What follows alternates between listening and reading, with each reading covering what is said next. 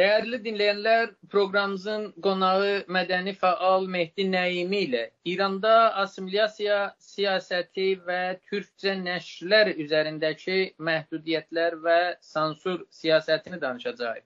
Mehdi bəy, assimilyasiya olsun, farslaşdırma siyasəti olsun, türk dilində təhsil qadağası olsun. Biz bunları tamam uzun illərdir bunlar danışılır, bunlara etiraz olunur.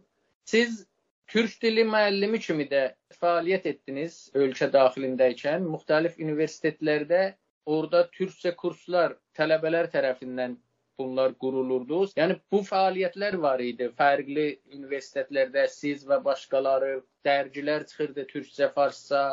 Türkcə kitabların satışı çoxaldı biraz şəhərlərdə. Bunlar var. Amma assimilyasiya siyasətinə qarşı bunlar yetərli oldumu sizcə? Nə deyirsiniz? Hər vaxtınız xeyir olsun. Sözün düzü bu dediyiniz çirkin siyasət tam o hızı ilə deyək, təbiri caizsə davam etməkdədir. Yalnız zaman-zaman bunun o tətbiq etmə ya uygulama e, yol yöndəmi dəyişmiş ola bilər. Yəni əllərindən gəldiyi qədər milli mədəni haqlarımıza qarşı bunların tutumu getdikcə bərki və bərkitmək də istərlər. Bir yerlərdə bunların müqaviməti sına bilər. O da millətimizin, özəlliklə aktivistlərimizin, milli aktivistlərimizin və milli fəallarımızın o əməyi sayəsində olur ki, daha o dirəncləri və müqavimətləri yetmir və orada bir e, növ deyə bilərik ki, e, təslim aşamasına gəlirlər. Yoxsa öz başına bu dediyiniz nə bilim kitablara, dərgilərə onlar e, könüllü olaraq ya sevə-sevə e, ruxsat ya mücəviz ya icazə vermirlər. Bəlkə arxasında böyük bir əmək vardır, bir israr vardır, e, bolluca genib olunan getgəllər filanlar vardır. Bir çoxu rədd edilir. Bəziləri də xala xatırın qalmasın, ya xala göylün qalmasın deyərlər. O şəkildə e, mücəbbiz alır. Onlar da elələri vardır ki, o qədər e, əl aparırlar, yəni bu yetkililər və hakimiyyətdə olan o e, sorumlular tərəfindən görürsünüz ki, o əsərin qolbudağı da vurulur və sonuzda bəzən bir əybəcər bir şey də çıxır. Bəzən e, hansıları möhtəmələn o baskıdan bir miqdar sağ qurtara bilirlər. Hər hansı bir e, düşüncə e, aşılamayan, nə bilim, e, qoyuna quzuya təbiri caizsə zərəri olmayan e, bir e, millətləşmə prosesində elə bir faydası olmayan olsa möhtəmələn ona çox toxunmazlar. Onun da e, bu zahirinə, içəriyi də olmasa, üzünə bir əl apararlar ki, oradan yenə də desinlər ki, biz də burada varıq və rəis bizik, başqan bizik. Siz bu nəşr sahəsindəki məhdudiyyətlərə də elə girdiniz. Elə oradan davam edək. Əslində bu sansür məsələsini mən istəyirəm ayrı bir başlıqda da danışaq, amma ümumiyyətlə bu nəşr sahəsindəki məhdudiyyətlər hansı məhdudiyyətlərdir? Sadəcə sansurmu? Əslində onun içəriyinə çox diqqət edərlər.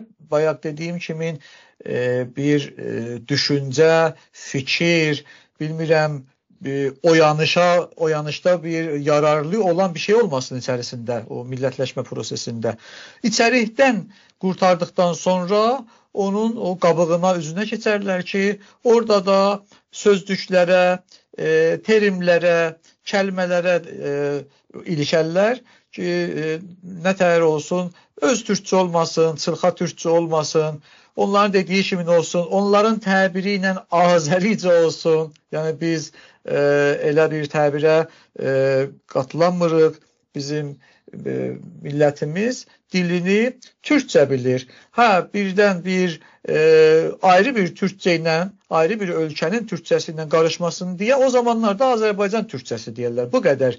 Yəni e, mən özümdən deyim, Ərdəbildə rəhmətlik dədəm, böyük babam, atamın atası e, e, ona biz sual verdiyimizdə biz kimik? E, çox bəsit deyərdi ki, biz türkük, dilimiz də türküdür. Onlar türkçə demirdi onlar, onlar türkü deyirdilər. Türkük və türkü danışırıq. Bu qədər. Yəni ayrı bir təbir falan burada yox idi. E, və o a, adam da e, hər hansı bir siyasi görüşdən filandan əsinlənərək bunu demirdi. Yəni onun da dədə-babalarından gəlib ona çatan sinədən siniyə, e, nə bilim, ağızdan ağıza o şəkildə e, bu öyrəndiydi ki, çox səmimi bir şəkildə ortaya qoydu, danışırdı. E, ancaq sonralar buna o siyasi yüklər filanlar da gəldi və təəssüflər olsun ki, e, bizim öz e, Azərbaycanımız, Azər Quzey Azərbaycan, Azərbaycan Cümhuriyyəti və Türkiyə də rəsmi şəkildə o ya bizim yanlış bildiyimiz təbir işlətdiklərinə görə burada da biz bir qədər əziyyət çəkirik. Nə isə ən azından hər halda bu e, milli fəalların tərəfindən dönələrcə səsləndirilir. Buraya gəldikdə də Tehran çalışarkən Tehranda oturan o baş kəndə, İranın baş kəndində oturan yetkililər çalışarlar ki, bu kitablarda, ya dərgilərdə, ya yazılı əsərlərdə heç olmazsa öz türkcə o terimləri və istilahları e, azəriləşdirsinlər, nə bilim farslaşdırsınlar. Azəri dedi, o bizim təbirimizdə Azəri deyirəm. Ya da ki, ərəbcə də olsa sıxıntısı yoxdur. Bəzən görürsünüz ki, latincə olsa sıxıntısı yoxdur, ancaq öz türkcə olanda orada e, sorun vardır. O latincədən bir misal gətirim. Möhtəmələn kompüter olsa onlar rayan, rayanı olmasını istərlər, amma olmasa da bəlkə bu qədər taxılmazlar, üzərində durmazlar. Amma öz türkçə kəlmələrə nədənsə çox həssasdırlar və onu e, bir uyduruq e, bahanə ilə, mana ilə istərlər ki, e, kitabdan götürsünlər ya yazılı əsərdən qaldırsınlar və yerinə e, bir farsça ya ona bənzər bir təbir gətirsinlər ki, onların da içi rahat etsin. Mehdi bəy, elə sizin bu işarə elədiyiniz, dediniz şey, dediniz çılxa türkcə kəlimələrin olmasını istəmirlər. Elə ona işarə edən, onu göstərən bir bu yaxınlarda sosial şəbəkələrdə, yəni indi o kitaba icazə verən qurum hər hansı qurumsa, quşlar içində bir quş adlı bir kitaba şərh düşüblər. Onun bir səhifəsini sosial şəbəkələrdə paylaşıblar. Misal üçün yazır ki, elə sizin dediyiniz kimi, məsələ deyir ki, Azəri olmalıdır. Dilin adına Azəri deyir. Ya Azəri olmalıdır, ya Azərbaycan dili yazılmalıdır. Məsələn, ada kəlməsi yazıb Azəri deyil. Yazıb bizim Azəridə yoxdur. Bu İstanbul türkçəsindən alınıb. Ya misal üçün əski kəlməsini deyir dəyişdirilməlidir duyğu kəlməsini bunların yazır gönül kəlməsi və hamısında da yazır bunlar İstanbul türkçəsindən alınıbdır. Nə deyirsiniz? Yəni bu o onu siz də gördünüz. O gördüm. Bu bir dənə bir siyasətin bir parçasıdır və ya təsadüfən orada bir kitabın başına gələn bir şeydir bu. E, yox, bunların o e, genel olaraq siyasətləridir. E, bu şəkildə də üzə çıxır. O a, sadaladığınız kəlmələrdən bir ikisini mən e, təkrarlayım və onun bizdə olduğunu da vurğulayım. E, ada e, bunlar deyirlər ki, Türkiyə İstanbuludur. Yəni batıya e, tərəf e, sürüşürlər, qayırlar. Halbuki e, Azərbaycan bir tərəfə burax e, Türkmən çölünün e, həm yaxınlarında bir Xəzər dənizində bir ada vardır adı Aşır adası. Aşır adası onu e, türkçəsinə dözmədilər, çəkə bilmədilər, Aşuradeh elədilər. Yəni e, o Aşuradeh indi bu dəqiqə rəvazda olan ya dillərdə olan, kitablarda olan adanın adı Aşır adasıdır. Bu ada vardır və ayrı-ayrı yerlərdə də vardır. Yadımda olan o idi. Ya məsələn könüllər bunlar e, taxılıblar, ilişiblər e, bizim bir çox sevilən mahnımız vardır. Könlüm sənin əsirin filan. O da Azərbaycanın ən tanınmış o xalq mahnılarındandır. Doğru demiş olsam. E, və kəlmə vardı, o birisilər də vardılar. Bəzən görürsünüz ki, e, biz dilimizə e, bu Türkiyədə əcəmi deyirlər. Savadsız olduğumuza görə bir çoxumuzun cavabı olmayır. Halbuki əski mətnlərə baxdığımızda bunları görürsüz kəlmələr və bu sözcüklər bizdə vardır.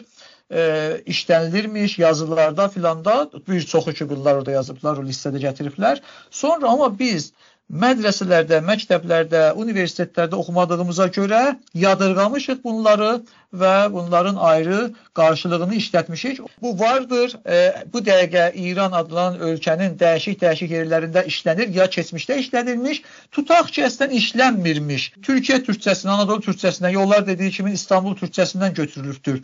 Bu da çox dillər arasında bu alış-verişlərdə, alverlərdə e, anormal bir şey deyildir bir sürü yüzlərcə, görürsünüz, minlərcə kələmə ayrı dildən ayrı dilə keçir. Onunla yerinə oturtduğuna görə işləyirlər. Bizim e, işlədirlər və biri də e, onu yanlış görmür. İndi bu dəqiqə Türkiyə mediası e, bir tək Güney Azərbaycan deyil, bəlkə İranın başqa yerlərində də e, izləndiyinə görə, e, təqib olunduğuna görə bu istilahlar və terimlər daha yerinə oturubdur. E, mən çox belə genibol görürəm e, qeyri-türk, yəni İranın qeyri-türk e, əhalisi Türkiyədə işlənilən bu terimləri və istilahları işlədirlər. Bu Məsələn, soruşur ki, mən məsələn deyir, mən Türkiyədə istəyirəm kimlik alam. Əslən demir ki, oradan həm e, istəyirəm orada kart şinasayı alam ya ID kart alam filan eləyəm. Birbaşa mən ayrı bir kəlmə eşitməmişəm. Hamı deyir mən kimlik istəyirəm məsələn alam. Yəni bura gəlib bir oturma izni almaq istəyənlər. Yəni kimlik bir türkçə kəlmədir o ID karta.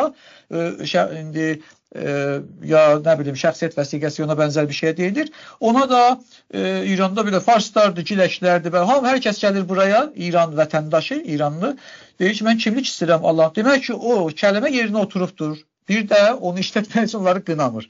Belədir və e, buna bənzər e, bəlkə onlarca elə onların, farsların ya qeyri-türklərin işlətdiyi türkcə, Türkiyədən aldıqları türkçə kəlmələr vardır. Elə Azərbaycan türkçəsini də demirəm.